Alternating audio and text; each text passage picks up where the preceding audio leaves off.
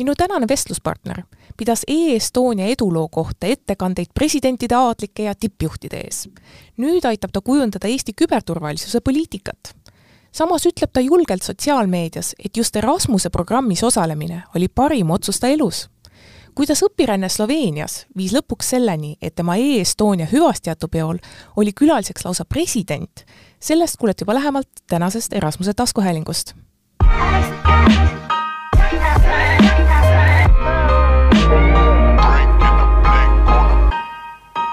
tere tulemast Erasmus plussi Euroopa Solidaarsuskorpuse taskuhäälingusse. minu nimi on Sabina Sägi ja täna on minuga stuudios Kaitseministeeriumi küberpoliitika osakonna nõunik ja endine erasmuslane Anett Numaa. tere, Anett! tere! Sinu start on kohast, kus, kus, kuhu paljud satuvad pigem turistina, sa oled kuskil sealt Taevaskoja kandist, kui ma ei eksi. täpselt nii, ma nimetan seda endiselt Eesti kõige ilusamaks kohaks ja see on tänasel päeval ka kindlasti see minu äh, nii-öelda salapunkt, kus ma käin oma patareisid laadimas, et, et kui on saadud olla lavade peal ja, ja täpselt palju esinetud, siis see oli see koht, kuhu ma nädalavahetuseks põgenesin ära äh,, sest äh, ma soovitan kõigile Taevaskoda külastada, sest see energia, mis sealt saad, on, on lihtsalt täiesti ebareaalne, nii et, et see on kui keegi mind kunagi otsida tahab, siis ja, ja ma pikalt Päik, päikseprillid ees, müts peas, seal, seal on Anett nädalavahetuseti. siis ma, siis ma veedan oma nädalavahetusi ja kasvasin üles nende metsade vahel mina ise olen pärnakas, aga mind huvitas, kuidas sina näed, et võib-olla suurlinnast väljaspool üles kasvades, kas see andis sulle teistsuguse perspektiivi sellele, kas välismaised unistused on realiteet, kas nad on nii kättesaadavad kui võib-olla inimesele, kes kasvas Tallinna kesklinnas üles mm.? Äh, tegelikult äh, üks, üks nali võib-olla alustuseks siia sellega ka, et äh, ma mäletan, ma töötasin mingi hetk pangas. Ja siis mul oli üks kolleeg, kes pärast mitmeid kuud, kui ma juba seal töötanud olin, siis ta tuli minu juurde ja siis ütles, et vaatan ette, et äh, kuskohast sa pärit olidki, siis mõtlesin, et äh, Lõuna-Eestist. ah, sellepärast sa nii normaalne oledki ja, ja siis mõtlesin, et, et tegelikult äh, ma ütleks, et, et Lõuna-Eestis üleskasvamine nagu, et, et see mingit nagu muutust oleks nagu võrreldes Tallinnaga ma ei ütleks äh,. ja kui ma just vaatan ka tegelikult äh, ma ei tea, kooli tulemusi ja nii edasi, siis see, et, et ma jäin isegi gümnaasiumi lõpuni siin elama, ei tähendanud mulle mitte midagi. et, et mul oli tegelikult juba, ma arvan, et alates äh, gümnaasiumisse astumisest väike selline isiklik äh, unistus sellega, et ma kindlasti tahan välismaal mingi hetk õppida ja ära minna. Äh, ma pidin seda tegema kohe peale siis äh, gümnaasiumit, kus ma sain sisse Taani ülikooli ja Hollandisse, aga, aga siis ma jätsin selle sellel hetkel sinna paika, et, et siis ma lihtsalt tundsin seda, et, et võib-olla see samm oleks minu jaoks natuke liiga palju sellel hetkel mm. -hmm. et, et kui oledki nagu pisikesest kohast pärit, siis minu jaoks see nagu Tallinnasse tulek oli juba selline nagu lihtsalt suurem samm ja, ja siis ma, siis ma alustasin Tallinnaga, et ma teadsin, et see vahetus tuleb äh, niikuinii, aga, aga ma annan endale lihtsalt äh, aastakene aega nagu kohaneda siis kõigepealt suurlinnaga ja siis samm-sammhaaval. täpselt, täpselt, et, et sellist nagu piisavalt mugavust pakkuda tollel hetkel, aga, aga lihtsalt, äh, et ma, ma kindlasti teadsin, et see samm tuleb äh,, tuleb mingil hetkel aga millest tuli siis äh, politoloogia, kui ma ei eksi, Tallinnas? jaa, see on, äh, see on ka hästi huvitav asi, et et tegelikult äh, üks kõige ägedamaid Eesti koolisüsteemis, mis on, pole ka väga kaua tegelikult olnud, nüüd ma arvan, viimased kümme aastat, on see, et sul on võimalus teha siis veeta üks päev töövarjuna mm. -hmm. ja, ja mina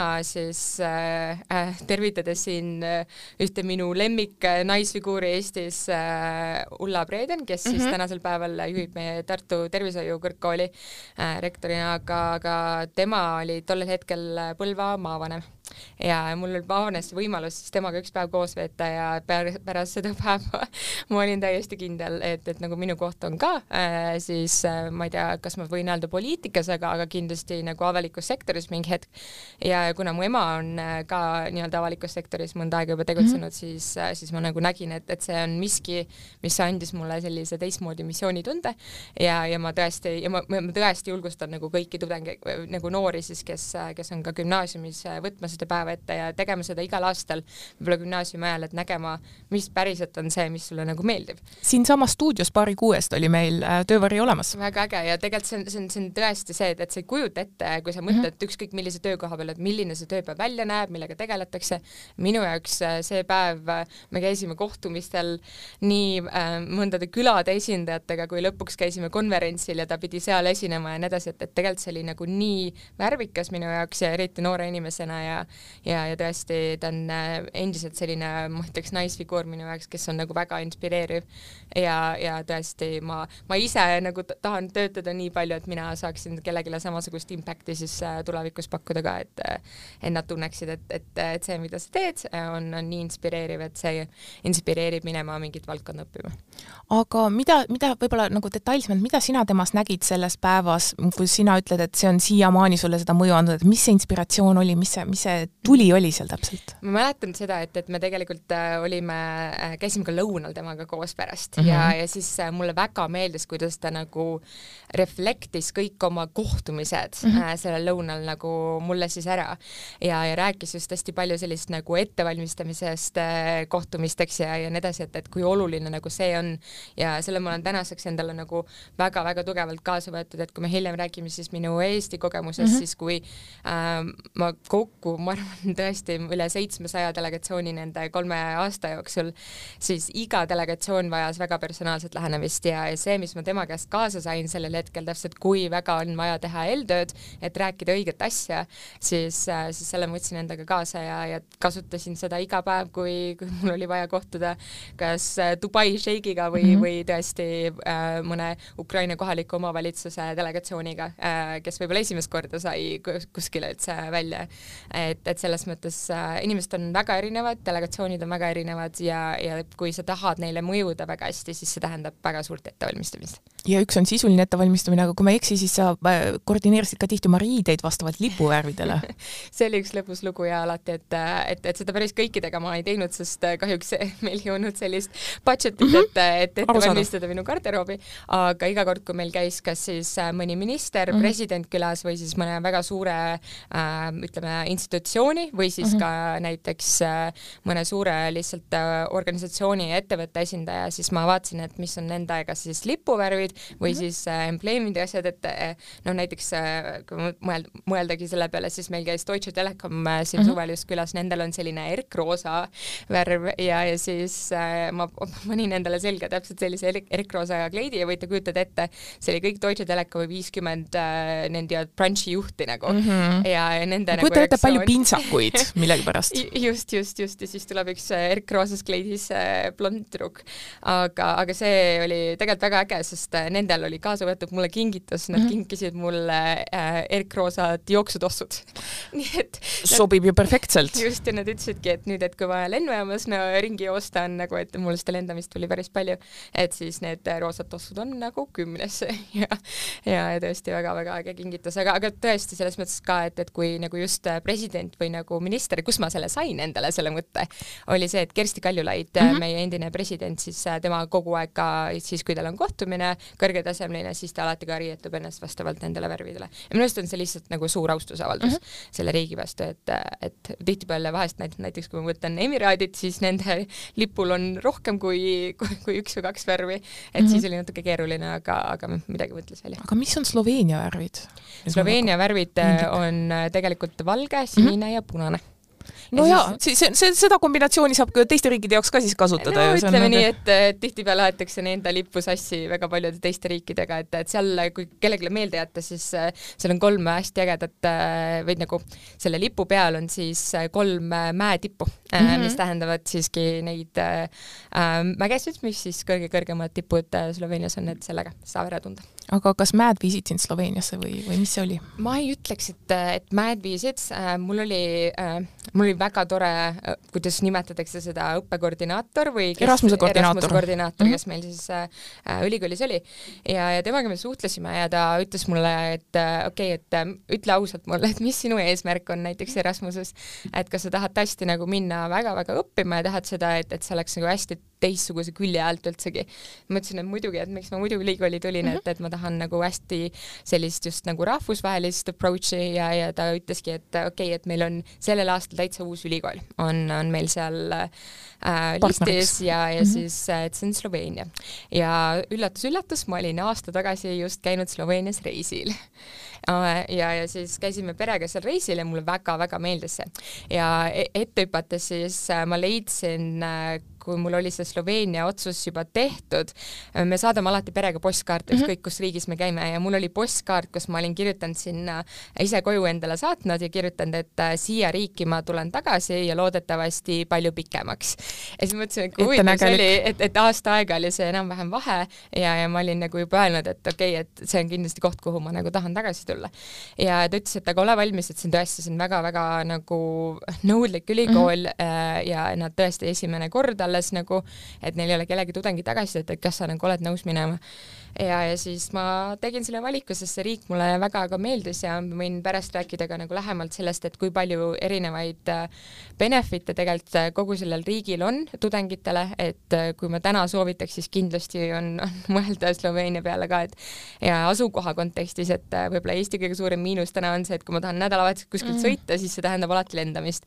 aga kui me räägime siin suurest rohepöördest, siis tegelikult tasuks kasutada ronge või auto või siis täpselt seda, et lähed kellegagi mm -hmm. koos. ja, ja siis Sloveenia oli täiesti imeline koht, sest see on ju kõikide ilusate riikide keskel, et, et sul on äh, Itaalia, sul on Horvaatia, sul on äh, seal täpselt Ungari, sul on ülevalpool Austria veel, et, et said Veneetsiasse paari tunniga sõita ja mina kui suur reisisell siis, siis mul oli see nagu väga ideaalne. et, et sealt see valik tegelikult tuli ja, ja ma ütlen, et ma olen sada protsenti rahul, et ma selle tegin, sest see tõesti on üks äh, underrated äh, riik äh,, riik äh,, kus siis äh, täpselt, et, et kui sa saad tunni aega sõita mägedes, Paidesse mm -hmm. tunni aega sõita alla mere äärde, et, et väga huvitav oli kas ta oli akadeemiliselt keeruline sellesse süsteemi sulanduda pärast Tallinna Ülikooli või, või oli see pigem lihtne, kuidas sul see tunnetus oli? Äh, ta oli pigem keeruline, sellepärast et, et mul äh, olid väga paljud rahvusvahelised ained, äh, kuna nad ei olnud veel nii palju teinud rahvusvahelist mm -hmm. koostööd, siis need rahvusvahelised ained tähendasid õppimist koos neljanda aasta tudengitega mm. -hmm. Nendel on natuke teine ülikoolisüsteem kui, kui meil, et, et seal ei ole see kolm aastat, vaid seal nad õpivad kuidagi neli ja see on juba põhiliselt ka juba nagu magister mm, -hmm. aga noh, ühesõnaga naljakas süsteem. ja, ja siis ma läksingi teise aasta tudengina, õppisin neljanda aasta tudengina tudengitega koos. ja siia vahemärkus kindlasti, mis on üks kõige olulisemaid asju välisõpingute suhtes, oli see, et ma läksin suhteliselt null inglise keelega. Äh, ma lõpetasin kuidas sa hakkama said? täpselt, et ma lõpetasin äh, gümnaasiumi, ma ei hakka isegi nendest punktidest rääkida, mis ma oma inglise, no ma, ma selles mõttes nagu oma nii-öelda, äh, mis on ähm, suulise poole ja mhm. kiri, kirjutamise sain nagu väga hästi, aga kõik, mis tähendas grammatikat ja, ja tõesti lugemist, mida tuli ju teha väga palju, siis see oli ülikehv mul mm. -hmm. ja, ja ma tõesti väga-väga kartsin ja sa olid lihtsalt ühel päeval riigis, kus kõik räägivad sinuga ainult inglise keelt, õnneks väga heal tasemel, ja, ja sa lihtsalt pead hakkama saama mm. -hmm. ja, ja siis see oli, see oli selles mõttes võib-olla kõige suurem challenge mulle, aga milles ma olen kõige rohkem tänulik, sest tänasel päeval inglise keeles ja. ma töötan ja mõtlen rohkem kui, kui eesti keeles. et, et selles mõttes akadeemiliselt kindlasti keeruline, sest need olid tõesti mm -hmm. juba nagu edasi jõudnud ained äh,, ma ei tea, rääkides sellest, et, et sa oled oled peale kuut aega töötamist, või see tähendab mitte töötamist, vaid õppimist, oled äh, viiekümne tudengi ees kõik eri riikidest mm -hmm. ja mhm. pead rääkima sellest, äh, milline on äh, siis Kolumbia maavarade mõju nende poliitikale et, et see selles mõttes oli selline korralik lihtsalt vette viskamine, aga noh, selle järgi ma läksingi, et et kui ma lihtsalt ütlen, mis see Sloveenia nagu andis mulle mm, -hmm. siis see oli täielikult äh, meeletu enesekindlus mm -hmm. ja, ja kui ma võrdlen ennast, kes ma olin enne sinna minekut ja kui ma tagasi tulin, siis äh, ma ei oleks tänasel päeval seal oma karjääris, kui ma ei oleks seda Sloveenia otsust teinud. aga miks just Erasmus? Miks mitte, sa mainisid, sa said Taani ülikooli sisse, et eh, jah, võib-olla sellel hetkel Põlvast eh, natukene suur samm, aga mingi hetk tuli ju seda enesekindlust natuke juurde, miks mitte minna tervekskraadiks, miks otsustada Sloveeniasse aastaks nende viiekümne erineva inimese ette hmm.?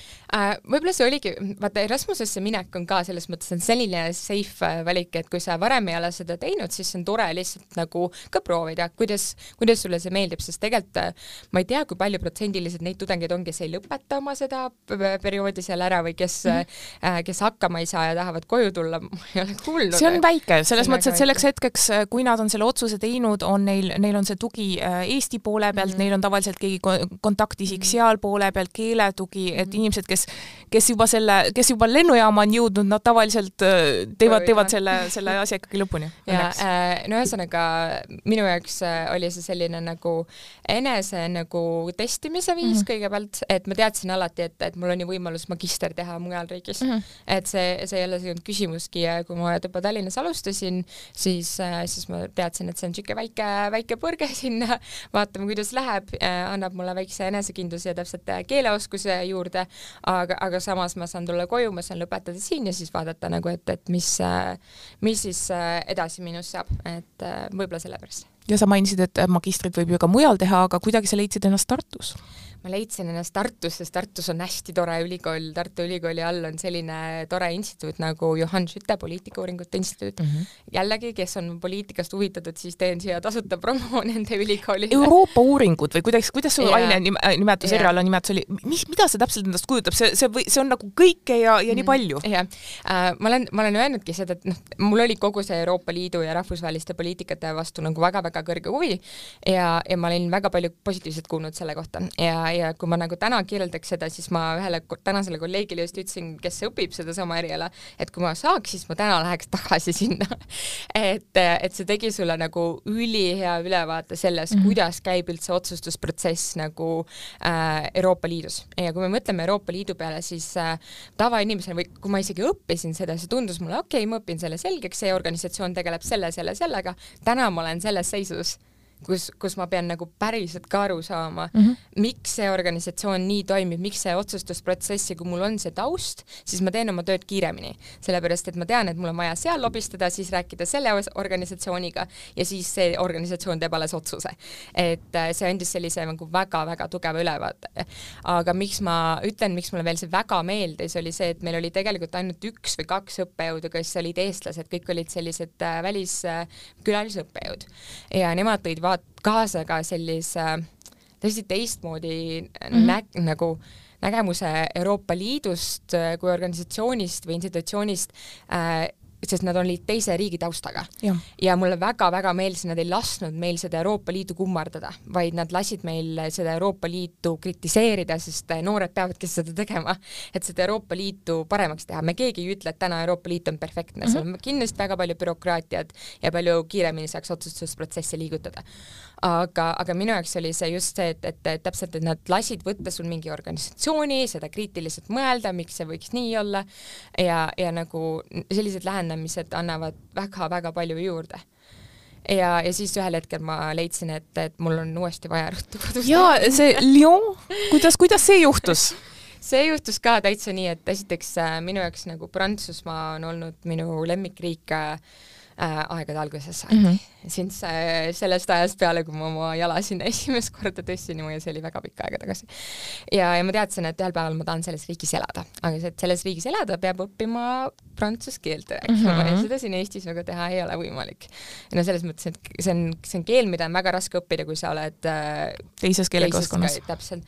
ja, ja, ja ma teadsin, et, et neil on üks äh, ülikool seal, mis on Euroopa tasemel üks äh, kõige kõvemaid ülikoole mm, -hmm. kui me räägime poliitikateadustest ja, ja ma väga-väga tahtsin sinna saada ja, ja ma, oi, ma üritasin igalt poolt otsida, sest neil on nagu tegelikult äh, ka, on Pariisis äh,, siis on äh, Bordeaux on mm -hmm. ja, ja, ja siis Lyonis täpselt samamoodi ja, ja ma mõtlesin ka, et, et mis see nagu kõige ägedam nagu linn, kus elada oleks ja nii edasi ja, ja, ja noh, olgem ausad, minna Erasmuse tudengina Pariisi võib natuke keeruline olla, sest selle lihtsalt elamiskulud on mm -hmm. nii, nii, nii kõrged. aga, aga siis ma kandideerisin hoopis äh, Lyoni ja Lyoniga oli meil ka nagu kehtiv leping Tartu Ülikooliga ja sain sinna ilusti siis endale koha. ja see oli selline aastane programm, mis ongi siis äh, Friends and European Studies, äh, mis tähendas, et me õppisime hästi palju Prantsuse poliitikaid mm. -hmm. aga, aga miks äh, noh, minu jaoks oli seal nagu ka lihtne seda otsust teha, oli see, et äh, meil on Eestis niisugune tore koht nagu Prantsuse Instituut mm, -hmm. kes ka siis annab tudengitele nii-öelda soodustab seda, et Eesti tudengid läheksid Prantsusmaale ja ma sain äh, Prantsuse valitsuse stipendiumi oma õpinguteks, mis andis mulle palju rohkem vabadust siis tõesti ka Prantsusmaad tundma õppida ja, ja seal paremates tingimustes selles mõttes elada mm. -hmm. et, et alati ka, kui Erasmusega mõelda minna välja, siis ei piirdu ainult selle sellega, et sa saad selle Erasmuse raha mm, -hmm. vaid seal on ka väga palju muid äh, viise siis, kuidas saada finantseeritud oma õpinguid. kas sa, kas sa ise olid aktiivne, otsisid, kas sa said tuge ülikoolilt äh,? tegelikult ülikool soovitas mulle ka, et, et kui me räägime Prantsusmaast, mille elamiskulud on natukene kõrgemad kui võib-olla keskmisel mm, -hmm. keskmisel muul riigil, kui me räägime Sloveeniast, siis ma maksin seal oma korteri eest või mul oli selline Rasmuse nagu maja mm, -hmm. äh, aga meil oli ka niimoodi, et nelja peal oli ja. nagu noh, niisugune pisike äh,. ja maksin ainult mingi sada kakskümmend eurot kuus kõikide asjadega kokku, et see oli täiesti olematu ja, ja seal olid muud benefit'id ka veel juures, siis loomulikult Prantsusmaal äh, viiekordistame selle summa vähemalt äh,. ja siis on ka pisike tuba kuskil mm, -hmm. et, et siis see oli kindlasti nagu hästi suur tugi oli sealt äh, olemas, aga kui me nüüd nagu akadeemilise poole peale Prantsusmaale jõuame, siis äh,, siis mul on väga palju soovitusi, mida Eesti võiks üle võtta oma ülikoolisüsteemis, mis ma Prantsusmaal õppisin. et Prantsusmaa ülikooli eksamid ei tähenda mitte kunagi valikvastuseid mm. -hmm. see on nende jaoks täiesti, see ei ole isegi optsioon laual. Nende jaoks on see, et sa teed näiteks, äh, mul oli selline aine nagu Friends Politics and Society ja, ja me terve pool aastat äh, rääkisime kõigest, mis võimalik poliitikast ja okay., ja nende nii-öelda ühiskonna ülesehitamisest, alustades sellega, et kui kõik aegade algusest peale ja siis jõudes siis tänapäevani. ja ma mäletan seda, et see oli üks mu esimesi eksameid ja ma ei teadnud enne, kuidas need eksamid välja näevad ja istusin sinna siis maha ja nende kõikide valikvastuste asemel oli üks küsimus ja see küsimus oli äh,, miks äh, härra president Macron on iseenda vaenlane. Ja siis oli öeldud mulle, et sul on neli kuni viis lehekülge aega kirjutada, kirjutada, jah, et, et pane nelja-viie lehekülje peale kokku, aga, aga miks ma arvan, et see on kõige tõhusam viis äh, õppimiseks, on see, et see, need õppejõud tahtsid kõiki neid teadmisi, mis nemad poole aasta mm -hmm. jooksul mulle edasi andsid, näha selles sees. Ja, ja kui me mõtleme selle peale, siis ma pean argumenteerima, ma pean mm -hmm päriselt ka aru saama, et see võib-olla, mis juhtus aastal tuhat kaheksasada viiskümmend, mõjutab tänasel päeval president Macroni ametis seoste toomine. ja et, et, et selles mõttes see seosed on nagu kõige olulisem, et see, et ma lihtsalt õpin pähe ja võib-olla on kellegi eelmise aasta tudengi test olemas ja ma teen selle järgi, ei anna mulle teadmisi. ja nagu sa ütlesid, see on ka midagi, mis sinu, sinu töös on, on väga oluline, et sa teaksid, kuidas need erinevad lülid on omavahel seotud. just, ja kui ma mõtlen ka kohtumist siis Prantsusmaa äh, delegatsioonidega oma eelmises töökohas, siis siis seal oli nagu väga-väga tihedalt seda, et, et tuligi sulle Prantsusmaa kohaliku omavalitsuse delegatsioon ja et sa päriselt teaksid, kellega, kuidas rääkima peab mm, -hmm. mida rääkima pead, siis see aine andis mulle väga palju. et, et ma kindlasti julgustan seda, et, et ja, ja just kui me mõtleme näiteks ka, et, et mul oli selline aine seal nagu islamism ja mm -hmm. nii-öelda äärmuslikud äh, teooriad ja seal oligi üks õppejõud, kes oli ise süürlane ja tema ise rääkis, et, et ma ei saa seda siit või lugedes seda internetist kallutatud igasuguseid äh, artikleid selle kohta, vaid nagu kui mul on päriselt inimene, kes on ise selles ühiskonnas sündinud, olnud seal õppejõud ja siis tulnud Prantsusmaale külalise õppejõuna ja laseb mul samamoodi teha pika essee mm, -hmm. siis, äh, siis see on see, kus ma õpin ja kus ma päriselt ka arutlen nagu, et, äh, et mulle meeletult meeldis Prantsusmaa ülikoolisüsteemi nagu ülesehitus ja see, kuidas me kasvatame ise mõtlevaid inimesi. ja kui me nüüd läheme sellesse, millised on tänasel päeval prantslased mm, -hmm. siis nad on kõige suuremad protestijad ja arvamusavaldajad, aga miks, sest neile on antud see põhi ette, et ma saangi täna seda teha. õpi sest... mõtlema, õpi ise mõtlema, mitte see, et ma kuulen meediast või Eesti Eestis siin näen kedagi äh, Vabaduse väljakul mingi plakatiga karjumas ja tegelikult mul sisu ei ole mm -hmm. seal, aga, aga ma saan päriselt ka argumenteerida, et, et, et mul võib ollagi teistsugune arvamus. ja Prantsusmaal see äh, argumenteerimine, see on nende DNA ja see on, see on, see on super lahe ja seepärast ma väga igatsen neid lõunaid, kus sa lähedki pokaali punase veini taga ja arutadki poliitikatest, sest Eestis ma ütleks, et no ma olen ise hästi aktiivselt äh, nagu jälgin poliitikaid mm -hmm. ja nii edasi, siis äh, siis tihtipeale on see ring, kellega sa neid teemasid arutada saad, üsna pisike. et see poliitika ei ole väga seksikas teema ja kõik kuidagi on sellele selline nagu negatiivne kuvand. aga siis... ma tahaksin, üks asi, mis sa, mis sa Reformi noorte lehel, seal on selline asi nagu tulevikuvalitsus, mis sa oled öelnud, mis mind väga huvitas, et äh, sa ütlesid, et haridussüsteem peab olema selges sümbioosis tööturuga ning mm. kujunema edasiviivaks jõuks ja mootoriks kogu ühiskonnale. tööturg on lähtudes tehnoloogia arengust drastiliselt muutumas ning seetõttu tuleb muutusteks valmistuda juba täna. parima tulemuse saavutamiseks on vajalik luua haridussüsteem, mille õppekavad ja strateegiad on innovaatilised ning tulevikku vaatavad. sul on nüüd nii Tallinna Ülikooli, Tartu Ülikooli ja ka Sloveenia ja, ja Prantsusmaa vaade. kuidas sina näed, kuivõrd see Eestis on praegu juba olevik, tulevik, tuleviku suunas ja kui väga see, kuidas see teistes riikides oli mm? -hmm. ma võib-olla hüppaks tegelikult äh, kõigepealt selle nagu lause juurde, mis sa nagu rääkisid ka, et, et äh, sel hetkel, kui ma selle kirjutasin, siis ma olin veel tudeng.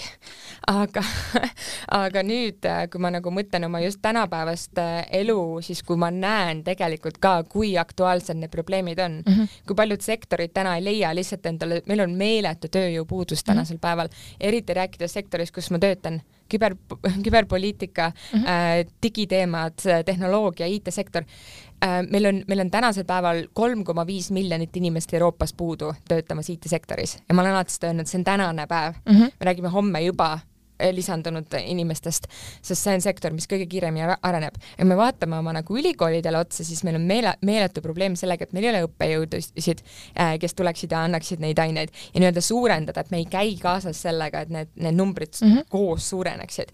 ja see on meeletu probleem ja siin me räägime jälle Euroopast ja Erasmusest tegelikult, kus me peaksime ka rohkem vahetama IT-tudengeid, et nad saaksidki ühes ja teises ja kolmandas riigis käia ja siis neil on see põhiarusaam ka nendest teistest riikidest aru. et et, et, et, et ma kindlasti nagu julgustaksin äh, ka, ka nagu täpselt tehnoloogiatudengeid mõtlema selle peale, et, et minna välja, vaadata ka, mis mujal pool on mm -hmm. ja mhm. nii edasi, et et no loomulikult me jõuame siin selleni, et meil võiks olla natuke avatum ka migratsioonipoliitika, et me tõesti mm -hmm. saaksime neid töökohti täita, aga ma käisin äh, enne jõule just külas ka Tartus on see Tartu Ülikooli Delta maja mm, -hmm. et seal on ka nende IT-osakond, meil oli väga huvitav kohtumine, kus nad rääkisid ka, ütlesid, et noh, et see protsendis ma ei mäleta, mis see täpselt oli, aga kui kui palju on juba ka välistudengeid, kes siia IT-d õppima mhm. tulevad mm -hmm. ja, ja see protsent oli jahmatav. ma mäletan, et kus nad ütlesidki, et kes jäävad siia pärast tööle ja ma olin reedel äh, Startup Awardside auhinnal ja seal oli ka nagu nii-öelda foreign founder'i mm -hmm. positsioon anti välja ja seal oli nagu mitu inimest, kellest äh, see Delta majast, äh, kes meile e-, ekskursiooni tegi, rääkis, et kus nemad tulidki siis ütleme neli aastat tagasi siia IT-d õppima ja tänasel päeval nad ehitavad meile järgmist unicorn'i et, et nagu oleme avatud selle suhtes, et võtame need tudengid siia õppima ja nad päriselt ka annavad midagi tagasi meie ühiskonnale. et, et äh, hästi raske on lihtsalt nagu võrrelda võib-olla Sloveenia, minnes su küsimuse juurde tagasi mm, -hmm. Sloveenia Prantsusmaa, et kas nemad käivad kaasas selle töö mm -hmm. ma arvan, et pigem on see probleem igal pool mm. -hmm. et, et just arvestades ka nende nii-öelda tööjõupuudust väga paljudes sektorites, siis äh, siis lihtsalt nagu vaata, kogu see protsessi muutmine võtab aega ja, aga nagu ühiskond samal ajal käib edasi. et, et seal ma näen nagu kõige suuremad probleemidena Läheks äh, e-Estonia juurde. Äh, mina äh, ülikooli ajal, mina töötasin kotipoes, et saada raha, ei ole midagi häbiväärset tavatöökohtadel. nii palju, kui ma, kui ma lugesin, siis sinul olid pigem sellised kliendiorienteeritud töökohad ja siis tuli sellest e-Estonia, mis on väga inimestega töötav kuidas, kuidas sina tundsid, kas see oli selline crash course, sest sa läksid väga heast haridusest sellisesse kohta, kus sa nüüd reisisid üle maailma ja see oli nagu praktika overload, vähemalt piltide järgi. Kindlasti, kindlasti oli, aga, aga ma ütleks ka seda, et sa ütlesid, et kotipoes, siis mina olen Texaseid müünud. Et koos saame peaaegu outfit'i kätte. Täpselt. Ja, ja ma olen Texaseid müünud ja ma ütleks seda, et miks ma seda tegema pidin ülikooli kõrval, oligi endale lu luua nagu vabadus, aga teisalt äh, mis see mulle andis, oli see, et esiteks ma austan täna teenindussektoris mm -hmm. töötavaid inimesi, sest ma tean, kui raske see töö on. ja teiseks ma sain aru, miks mul on vaja ülikoolis käia ja õppida sest ma ei tahtnud elu sees seda tööd enam kunagi tegema mm -hmm. hakata. ma ei tahtnud istuda hommikust üheksast üheksani mitte kuskil kinnises ruumis ja ma ei näe päevavalgust see oli, see oli minu jaoks välistatud. ja, ja see andis nagu selle tõuke, et ei, üks samm alati ekstra nagu, alati ekstra, tee vabatahtlikuid mingeid asju kogu aeg kõrvalt mm, -hmm. sest sa ei taha seda, sa ei taha jõuda sinna punkti, kus sul ei ole tööd. et, et kindlasti nagu andis, andis tõuke.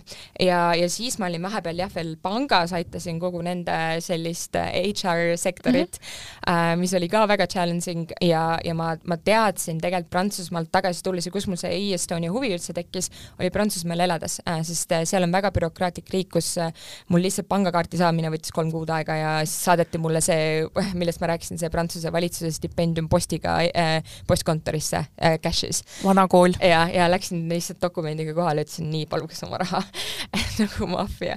ja, ja siis aga ma... hei, kui antakse, siis peab võtma täpselt.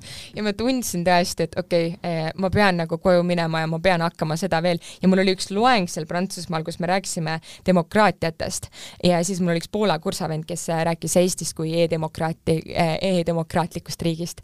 Ja meie kõik nende, mis meil see ähm, ma ei saa nüüd öelda, kus me saame hääletada nende erinevate initsiatiivide üle äh,. mul ei tule see portaal nüüd praegu, ma olen sellest nii palju rääkinud, rahvaalgatus mm. -hmm. rahvaalgatuses, kus siis saad ise esitada ja täpselt see, et ja. sa saad näha kõiki istungeid ja, ja olla nii-öelda osa sellest nagu otsustusprotsessist. ja siis mõtlesin, issand, see on nii äge, et see on päriselt minu riik, et ma tahan koju minna ja ma tahan nagu seda hakata ise müüma. ja oi, ma hoidsin oma silma peal e-residentsusel ja e-Estonial ja üritasin ikka nagu, et no tuleks mõni koht sinna nagu. ja see tuli? ja see tuli, see tuli ja ma just täna rääkisin oma ühe kolleegiga, kus ma ütlesin, et äh, mina ütlen alati töövestlustel, peale esimest töövestlust sa võid alati öelda, kas sa saad selle töökoha või mitte. okei okay.. Äh, sest, äh, sest see tunne, mis sul tekib oma tulevase tööandjaga, ma, ma tunnen selle kohe ära, nii minu praeguses töökohas kui e-Estonias. ja, ja mul oli seal täiesti see, et ma teadsin, et see kõne tuleb, see kõne tuleb väga varsti ja ma selle kindlasti saan ja, ja, ja ma läksingi sellega, et ma nägin, et see on minu missioon, millega, millega ma pean tegelema ja ma olin saanud selle oma tõuke kätte Prantsusmaalt mm -hmm. ja mul oli, mul oli selline tahe seda teha, mul ei ole tehnoloogia tausta mm -hmm. akadeemiliselt ja, ja see oleks olnud kindlasti väga toetav seal, aga ma olin valmis õppima. ja, ja seda minu tulevane tööandja siis seal nagu ka nägi ja ütles, et, et ta nägi lihtsalt seda nagu, kuidas ma põlesin seda nagu sellest rääkides ja kui väga ma seda teha tahtsin. ja, ja me lihtsalt äh, klappisime nii hästi, et, et ma sain selle koha endale ja siis all of a sudden olid sa see, kes, kes reisis äh,, minu esimene lähetus oli äh, Pariisi äh, Vivatekile ja siis sa oled juba lendad ja sest sa mainisid, et te saadate postkaarte perega, et ma kujutan ette, et sinu, sinu äh, vanemate külmiku on, on täis. no mõningad, mõningad on jah, et, et vahepeal olid rohkem kodust ära kui kodus mm. -hmm. aga, aga see oli jah, ma mäletan minu esimene välislähetus ja see oli minu jaoks hästi enda jaoks põnev ka, sest äh, noh, Pariis ja üldsegi mm -hmm. nagu Prantsusmaa itself on minu jaoks nagu nii olulised äh, riigid. Ja, ja meil oli hommikul saatkonnas veel vastuvõtt, enne kui me sinna lavale läksime. Ja kuna president Macron oli siis sealsamal konverentsil, äh, pluss siis äh,, kellest ma pidin siis ju kirjutama uh -huh, uh -huh.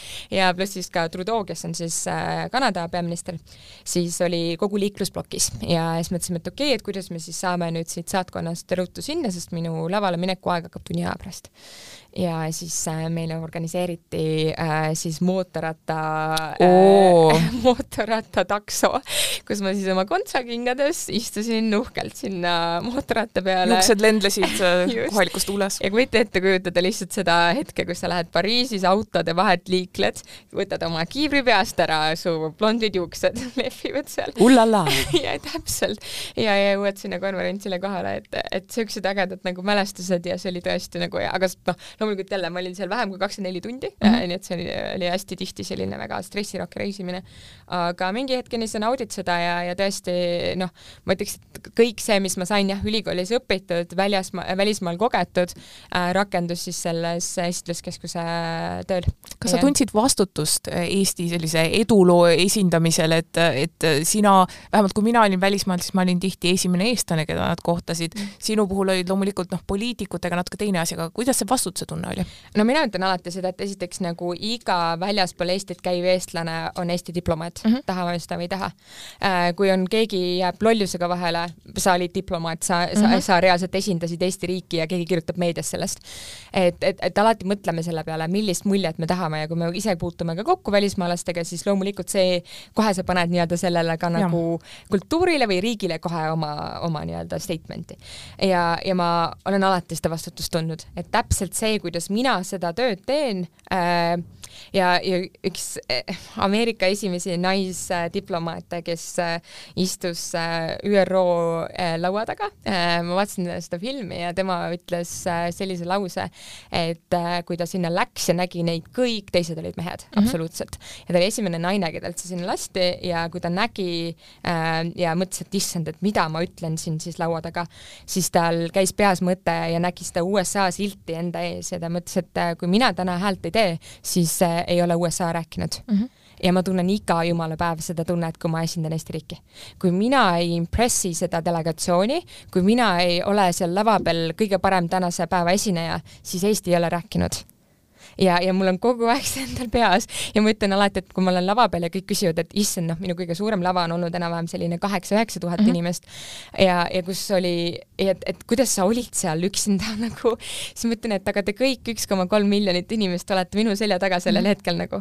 et ma tean, et kui mina teen täna hästi, siis sellel riigil läheb paremini homme e,. siis tuleb see diil ja meil oli väga palju siukseid case'e, kus oligi ja pärast äh, sinu esinemist tuli mõni investor või tuli mõni äh, riigisektori esindaja, ütles, et äh, me oleme tükk aega mõelnud teiega koostööd teha. no ma sain kinnituse. või me oleme tükk aega tahtnud seda ettevõtet reach ida ma näen, kui äge see on ja sina mainisid riigi esindajana selle mhm. ettevõtte mm -hmm. nime, ma lähen ja võtan nendega täna ühendust.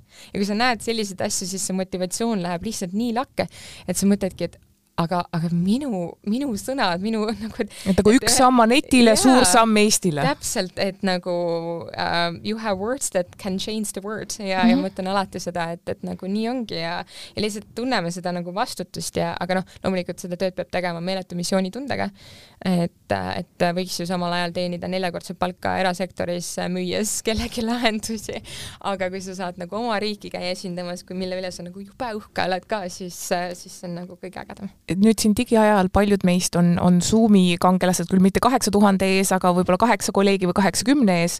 Äh, number üks äh, avaliku esinemise nipp sinu poolt ähm,? alati teha endale teema selgeks, nagu ma alustasin ka, mis äh, Ulla Preeden mulle ütles, et tee taustatööd ja, ja, ja selles mõttes minu, kuidas ma endale enesekindlust saan, on see, et kui ma lähen lavale ja ma tean, et ma tean sellest teemast kõige rohkem kui, kui, kui mul tuli närv sisse avaliku esinemise ees, siis see oli tavaliselt see, kui meie äh, digiriigi äh, chief information officer Siim mm -hmm. Sikkut istus seal või, või mõne ettevõtte juht, kes on selle lahenduse taga olnud. vot siis ma teadsin, et nemad on tegelikult minust targemad. see vastutus on veel Aha, natukene täpselt. suurem. aga kui ma räägin nagu nende inimeste ees, kes on teises riigis ja ma pean avalikult esinema, siis mina tean sellest teemast kõige rohkem mm. -hmm. see on sama asi, kui sa lähed oma lõputööd kaitsma. milleks minna närvi selle peale, sest mitte keegi seal ruumis ei tea sellest teemast ja sellest, sellest sinu tööst rohkem kui sina ise. mine selle attitude'iga, et sina oled selle töö boss ja sina nagu räägid, kuidas see, kuidas see asi kujunes ja räägi oma lugu mm. -hmm. et ma ütlen ka alati, et ärge, ärge kunagi oma avalikku esinemist äh, õppige pähe, kui ainult esimesed laused, sest siis sealt tuleb enesekindlus, aga, aga laske sellel nagu lool kulgeda või nagu mõelge see hästi lihtsaks ja mõelge see jutustamiseks just, et mitte keegi ei taha kuulda ja ma, ma tõesti ärritun vahepeal vahepeal, kus, kui ma kuulen mõndasid esitlusi, kus ei, kus on see, et sa saad aru, et kas keegi loeb selle puhtalt mm -hmm. maha või ta on selle nii ette valmistanud, et ta ei saa seal soolotada. et kui et, keegi vahele küsib, siis on läbi? siis on läbi täpselt, siis on sul rütm maas ja sa ei saa enam seda kunagi edasi teha. aga kas sa, kas sa saad minu jaoks äkki oma praeguse töö, oma küberturvalisus, saad sa selle selliseks lihtsaks ja jutustavaks teha, nagu sa ütlesid, millega sa tegeled seal Kaitseministeeriumis või noh, laiemalt, mida teeb Kaitseministeeriumis küberturvalisus mm. üldiselt? no nii palju, kui ma rääkida saan, on ju, et, et minu ja meie nagu meeskonna kõige suurem ülesanne on siis äh, leida Eestile piisavalt palju äh, kaitsealaseid partnereid kübermaailmas, ehk siis äh, kui meil on abi vaja, siis, siis meil on liitlased, see on mm -hmm. täpselt samamoodi, kui me räägime füüsilisest kaitsest. ja, ja, ja selle kõrval kõrvalt äh, ka olla ise valmis ennast kaitsma, see on ka suur Kaitseministeeriumi ülesanne. meil on äh, küberväejuhatused mm, -hmm. meil on küberajateenistus tänasel päeval, et, et kes ei ole kuulnud, siis ei pea minema äh, ainult püssiga metsa ja olema nii-öelda sõdur seal, vaid sa saad olla ka küberajateenistuses äh,, mis sest see on sõda, mida, mida enamik ei kujuta endale ette, mida tehakse ruumis kuskil kaugel. ja, ja mul oli just hiljuti selline vestlus ka ühe inimesega, kes nagu oli valdkonnast kaugel ja ta küsis, et okei okay,, et aga mida see kübersõda siis tegelikult Eestis tähendada võiks nagu ja kui me mõtleme, siis selle mõju on palju suurem kui isegi füüsiline sõda mm, -hmm. sest äh, mõtle, kui meie istume praegu siin ruumis, ühel hetkel kogu internet Eestis läheks ära, meie infrastruktuuri rünnatakse, meil ei oleks elektrit, kaua Eesti äh, pered peaksid vastu, eriti näiteks need majad, mis on täiesti nuti peal mm -hmm. üles ehitatud. et või kui sa ei saaks enam pangaautomaadist raha võtta, sa ei saaks maksta enam nagu, sa ei saaks poes käia või bensiini ja nii edasi ja nii edasi. et, et kui need rünnakud tulevad või haiglate süsteemide peale, mis on täna isegi ülekoormatud,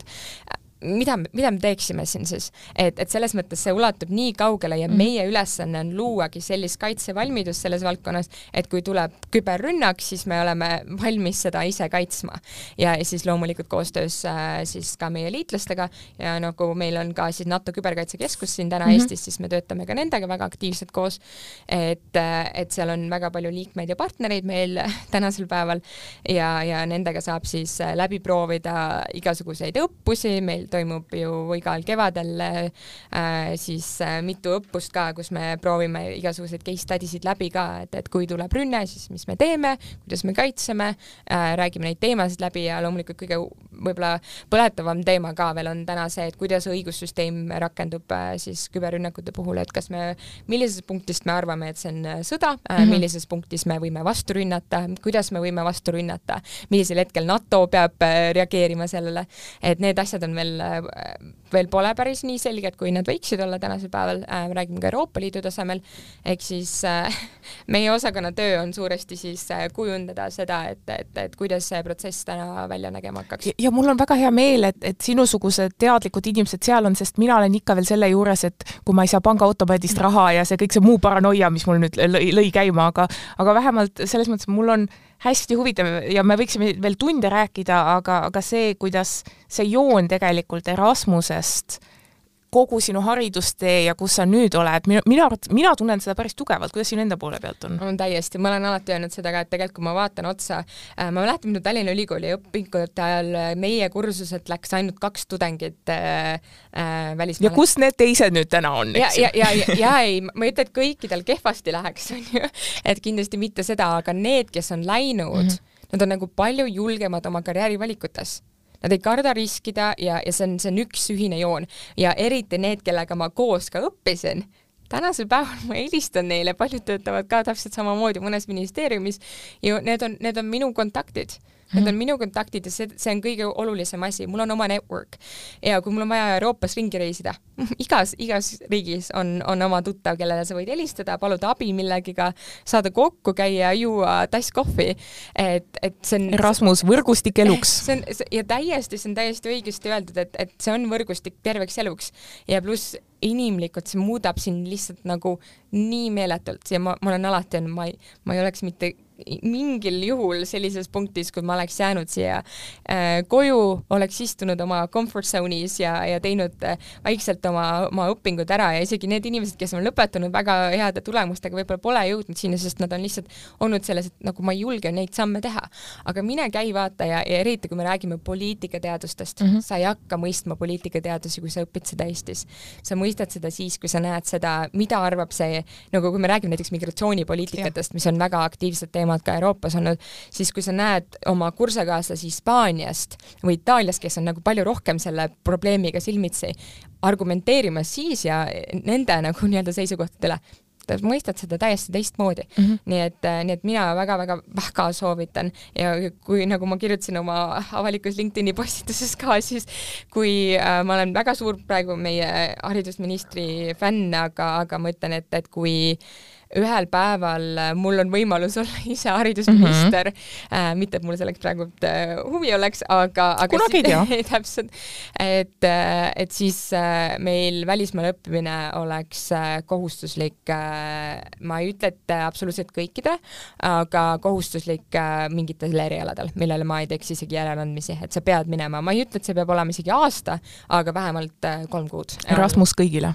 ja, ja, ja tõsiselt, see on üks Euroopa õnnestumaid äh, projekte ja, ja nagu kui ma näen seda lihtsalt täpselt, mis minu endaga, mis transformatsioon toimunud on, siis ma lihtsalt ei saa aru, miks äh, ei võiks kõik seda endale nagu lubada. et, et kindlasti äh, ja, ja tööalaselt äh, on, on see mind lihtsalt tõesti palju-palju avatumaks teinud ja, ja, ja või pea lõikab äh, erinevate kultuuridega koos töötades äh, tunduvalt paremini, kui ma, kui ma ei oleks seal päästnud. ja ma ei jõua ära oodata, vaadata, kuhu, kuhu see veel edasi läheb. ma, ma arvan, ma arvan, et sinu tee on alles alguses. ma, ma tahaks ise seda väga loota, et, et eks lihtsalt enda vastu tuleb äh, mitte liiga karm olla, et, et ootusi nii noorelt seada, aga ma, ma annan endast parima, et, et ei peaks keegi pettuma teeme nii. aitäh minu tänasele külalisele. juba järgmises saates räägin tudengitega kahest suurimast hirmust, mis takistavad paljudel õpingute ajal välismaale minekut. nimelt, mis saab minu töökohast ning perekondlikest kohustustest Eestis, kuniks ma mujal maailmas ringi rändan Erasmus pluss ja Euroopa Solidaarsuskorpuse agentuuri tegemistega saate end kursis hoida just selle nime all Facebookis, lisaks ka Instagramis Erasmuse lood ning euroopanoored.eu kontode kaudu. agentuuri ja Haridus- ja Noorteameti poolt aitäh ja peatse kuulamiseni! Thank you.